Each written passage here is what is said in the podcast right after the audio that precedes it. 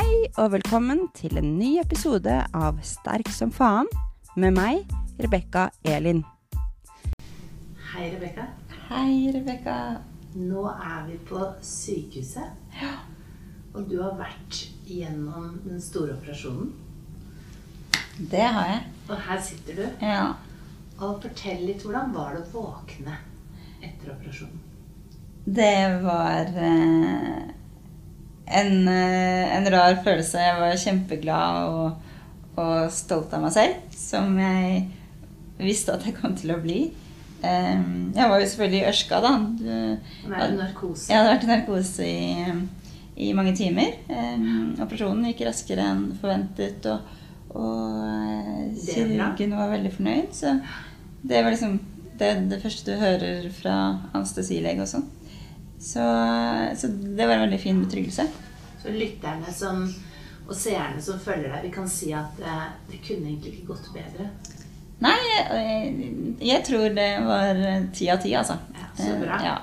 Og da Ja, jeg var på en måte i trygge hender på den oppvåkningssalen, og eh, de fulgte med meg eh, hvert minutt. Eh, Det var en kar som satt og fulgte med på meg absolutt hele tiden i, i eh, en hel kveld. Og ja, med Hadde sin egen bodyguard. nesten. ja. Jeg følte meg skikkelig ivar- ivaretatt. Og, og så var det litt sånn nye følelser og, og sånn å møte på, da. Sånn, Fortell litt om det. ja, det, det er vanlig å ta røntgen av lungene eh, etter en operasjon fordi eh, Nå husker jeg ikke hva det heter, men eh, når du blir Når du får sånne eh, Dren. dren inn i lungekapsel et eller annet sted Mhm. der hvor det er litt større blodåre, eh, da vil man sjekke med røntgen at det ikke er noe skade eller punktert eller sånne ting. Mm. Eller, ja. Mm. Ehm, og det skulle man da gjøre etter operasjon. Jeg skjønte ingenting. Det kom to menn og bare Jeg skal ta røntgen. nyoperert, og bare Ja. sånn, du ta røntgen, tenkte du dette må være feil. Ja, ja, ja, jeg bare, hei, hei, jeg har akkurat operert. Ikke rør meg. ikke rør. Jo da, det er, det er til deg, Rebekka, sier han eh, hyggelige sykepleieren. Men um, ja, så det Og da kjører de en eller annen sånn type jernplate ja, eh, bak ryggen min. Og da bare Å nei, jeg er kvalm. Jeg må spy. Jeg må spy. Så da spøy jeg litt. Det, Det er den verste kvalmen. Å spy etter narkose. Det er sånn når jeg selv har blitt operert. Det er sånn bleh. Ja. Det, er Det, ikke morsom. nei, ikke sant. Det, vi har sikkert forskjellige typer spyinger også. Heldigvis var det ikke så mye, men Mm. det er jo litt sånn Ja. Du jobber med magen som du akkurat har jobbet uh, For hvordan med har magen din det nå? Akkurat nå, PT, eh, den har det veldig bra. Mhm. Den eh, var igjennom en operasjon nummer to i går. Ja, oi, fortell litt om det. Ja, det er jo da Det var gått en uke. De første dagene gikk veldig fint, og jeg var oppe og gikk, og alle var Wow, du er jo eksemplarisk, liksom. Dette går jo som bare rakkeren. Um, og så viste det seg at em, det begynte å piple litt eh, væske ut fra operasjonssåret. Sånn sårvæske som lages inn i magen. Og da ble det mer og mer av det, og så eh, fikk jeg et dren eh, som skulle på en måte tømme, Tømme denne væsken. Og så stoppet det liksom ikke. Og da Altså fra det såret. Så da ville man inn og, og sjekke at det ikke var eh, veldig åpent, eller hvis det var noe feil der inne, da. Så du fikk egentlig en dobbeltsjekk? Så da fikk jeg en dobbeltsjekk i går. Eh, og det var bare fint. Jeg ville jo at de skulle finne ut av hva som var feil, og liksom lappe meg sammen på nytt eh, hvis det er det som eh, måtte til. Det er jo litt sånn som vi Vi snakket jo litt om dette her før vi gikk på lufta, at veldig mange rundt sier 'Å nei, så uheldig du er at du må ta en ny operasjon, komplikasjoner'. Ja.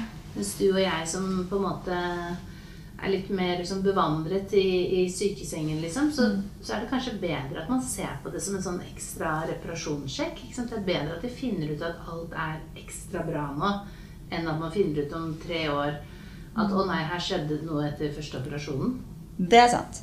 Så liksom fokus, liksom hvor man, hvordan man velger å fokusere, tenker jeg. Mm. Ja, ja, ja, jeg tenkte alt det som skjer disse dagene her, er på en måte en del av det mesterskapet vi kaller det. Um, så det er liksom Ok, da, da må jeg gjøre det. Da gjør jeg det.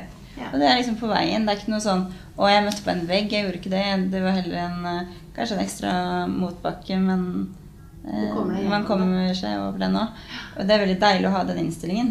Mm. Um, selv om selvfølgelig det har vært litt tø- tø- tøffe dager og sånn før dette her. Jeg har jo ja. vært gjennom tøffe ting. Er det, Lite søvn har vært kanskje det som har vært slit, mest slitsomt. ja, hvordan, hvordan tærer det på kroppen liksom, og, og tankene og sånne ting? Nei, jeg Når når jeg våknet på nettene, så har jo det vært av, av smerter som regel. Eller at uh, sykepleierne skal ta tester og sånn. Og da vekkes jeg, og da kjenner jeg smertene. Um, og vi har slitt veldig med å finne um, riktig smertestillende. Så jeg har eh, Jeg har hatt mye vondt og burde vel vært litt mer ærlig med det med meg selv overfor, overfor eh, sykepleierne her. Ja. Eh, for jeg startet vel litt i den andre enden hvor jeg var litt sånn super Ja. Det er jo litt det, Rebekka, at du er på en måte en, en, en veteran når det gjelder på en måte å holde fokus, på en måte velge å leve og ikke bare eksistere. Men noen ganger så blir man kanskje da litt for tøff. Sånn at når det f.eks. er din egen smerte nå etter operasjon, så er det sånn at hvis du skal si en smerteterskel fra 1 til 10, så skal ikke du si 5 hvis det egentlig er en syver eller åtter. Nei. Det er mye, mye man lærer. Ja, så Det er et lite råd også for de som hører på, hvis de går gjennom noe tilsvarende. Mm. At det er ikke akkurat når du ligger der nyoperert at du skal være så tøff. Nei. Da skal du faktisk si 'bring it on'. Ja. Gi meg litt smertestillende. litt. Fordi du har jo da fått kjenne på at når smerten først tar deg, Mm. så sitter den litt mer i, gjør den ikke det? Jo, det mm, Ja, når jeg først har sagt ifra eh, at nå begynner det å gjøre vondt, så går det veldig raskt til det blir Veldig mye vondere. Da, blir, da, da kjenner man det helt Ja. i kroppen. ikke sant? Så det har jo legene og eh, alle på huset her jobbet med egentlig hver dag. Prøvd å tilpasse, men eh, mm, det har vært vanskelig Mm. å, å skjønne hva som fungerer for meg, da. Mm. Og, og så er det ulike smerter. Mm. Og man reagerer forskjellig på de ulike tablettene og kapslene. Og Ja. intravenøst. Og ja, så vil de heller ikke gjøre meg avhengig. Og jeg bare guri meg. Jeg tror helt ærlig ja. ikke du blir avhengig. Du har vært gjennom en heavy operasjon. Men, men jeg tror det er liksom litt viktig det der å tenke at eh, det å tørre å si ifra at det er vondt, og ikke snakke som superwoman, men tenke at du må snakke et språk som vanlige mennesker skjønner. Ja. Som ikke på en måte mentalt har bygget seg opp i ti år, sånn som vi har jobbet når vi er et team. ikke sant? Og så tenker jeg at noe av grunnen til at det er et poeng Det er ikke liksom at du bare skal slippe smerte, men hvis hjernen din kombinerer smerte med frykt, ikke sant? At, at ikke smerten går bort, Ja. Så vil du veldig ofte senere oppleve, når du egentlig er smertefri, Mm. at hvis du da kjenner på en eller annen mental frykt, så vil det ofte trigge smerten. Mm. Så min erfaring som coach, og ikke minst som smertepasient selv, er å trene opp kroppen etter på en måte en sånn operasjon og hvor man har smerter. Og faktisk tenke at du ikke skal la smerte og frykt kombineres, men at når du får smerte, så skal du heller være forberedt. At du har pillen på nattbordet ved sykesengen. At du tør å sette grenser til en sykepleier som kanskje ikke skjønner at du har så vondt. At du tør å være forberedt. Og også kanskje ha noen sånne gode som vi har snakket om før. Visualiseringer, at du kan komme bort. Eller at du bare minner deg selv på når smerten begynner å murre. At 'Å, jeg gleder meg til jeg skal reise. Jeg gleder meg til jeg skal surfe igjen. Jeg gleder meg til de tingene'. Rett og slett fordi hvis man lar smerte og frykt gå sammen, så kommer det til å henge på deg kanskje ti år frem i tid. Mm. Nei, ikke sant. Det, ja. Og det Jeg føler at jeg har vært veldig flink til å gjøre akkurat det motsatte. Ikke, ikke stresse meg opp og, og, og faktisk bruke alle disse teknikkene. At du ikke kombinerer frykt og, Ja. og, og, smerte, men at du heller fokuserer frykt og det du har forberedt deg på. Ja, og, og bruke pusteteknikker og, slow motion og, ja, hatt eh, tenkt riktig, da. og ja, som jeg sier, at det er på Dette er eh, et løp som jeg må bare være med på. Og være den beste versjonen av meg selv, og ikke mm, falle tilbake. Samtidig som du tør å være litt mer sårbar når du ligger i sykesengen. Si ifra når ting gjør vondt. Definitivt. Eller hvis det er situasjoner som stresser deg. Mm. Nå er du heldig at du er nå her på et rom alene. Ikke sant? Du, du opplevde litt en episode hvor det var litt vanskelig å være på rom sammen med noen andre. Og det der å tørre å på en måte si Vet du hva, nå trenger jeg nå trenger jeg denne omsorgen eller denne profesjonelle hjelpen. At du ikke da skal være tøff, liksom. Nei. Ja, det måtte jeg være veldig eh, ærlig på. At det, det der, det funker ikke. Det, dette har jeg jobbet med i så lang tid. For å mestre og ikke bli nervøs. Og det der smitter meg nå veldig. Um, så da fikk jeg bytte rom. Så det Eller ja. Det var mye, mye som skjedde eh, med den medpasienten der. Eh, som var første kvelden, så det var litt heavy. Men eh, så fikk jeg en ny roomie. Mhm. Og idet vi begynte så smått å snakke, da fikk jeg tilbud om å få eget rom. Og da var det sånn Nei, men Guri, nå skal jeg forlate 77. Um, men uh, så tok det meg tre minutter, så skjønte jeg at herregud, jeg er så var på lyder og alt mulig. Så det var en, en, en eh, kjempeglede å få isolert meg her eh, i enden av Ja, vi sitter jo her i sånn VIP-rom, føler jeg. Jeg har utsikt og alt mulig. Det jeg tenker, Rebekka, som er litt viktig, det er også på en måte å eh, virkelig prioritere å klare å sove. Sant? Gjøre det som må til for å sove. Fordi hvis man ikke sover, så tar det liksom bare to-tre dager før man merker at det går utover kroppen. Mm. Og det er fordi når vi sover, så trigger vi også, eh, eller skrur på vi veksthormonene, som vi vanligvis bruker til å vokse når vi er barn og blir voksne, altså i høyden. Men du som nå ligger i sykesengen, akkurat som en toppidrettsutøver, du trenger søvnen og veksthormonene for å opprettholde muskelmassen.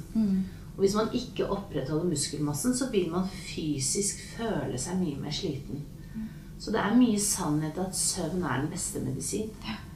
Så jeg prøvde å bruke dagene på å sove mye mellom slagene. Ja, det er kjempebra. Eh, Ja, for nettene har jo vært litt trøblete. Ja. Nei da, så, men jeg henger i, jeg, og jeg blir her noen dager til.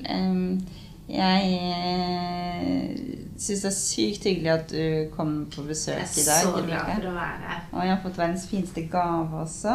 Måtte gi deg et lite lykkesmykke. Ja, litt etter litt reiser du langt. Er ikke, det, er ikke det en god påminnelse at det er lov å skynde seg sakte? Ikke sant? Men at du skal langt, og du skal jo langt ut og reise. Du vi snakket om det i forrige episode? Ja. Ja. Så, nei, så det jeg tenker er viktig nå, er søvn. Mm. Jobbe litt det med smerter. Vi kan jo si til lytterne at forskningen viser jo hvis man klarer å puste inn og ut på fem sekunder Det betyr egentlig at du da altså si fem sekunder, fem og et halvt sekund. Så at man puster bare fem til seks ganger i løpet av et minutt. Så skrur man på noe fantastisk som heter vagusnerven. Og den hjelper kroppen din til å bekjempe betennelse og smerter. Så hvis noen har lyst på et lite sånn triks, så er det det å tenke at du puster inn på fem lange sekunder, og puster ut. Og hvis du klarer å gjøre det noen minutter, så hjelper du kroppen til å redusere betennelse og smerte. Så det kan jo være et lite sånn tips på veien. Kjempetips. Nei, men eh, nydelig, Rebekka. Eh, jeg tror vi avslutter der. Vi gjør det. Jeg har eh, Du trenger å Den- sove ja. og hvile Ja. og gå på medisiner. Ja. Så kan vi ikke bare si til lytterne at selvfølgelig trenger du fortsatt en heiagjeng. Ja, ja, ja. Og de får være med på reisen din. Det gjør de. Det Ja, jeg gleder meg til fortsettelsen. Og ja, vi snakkes. Det gjør vi. Ja. Ha det. Takk for i dag.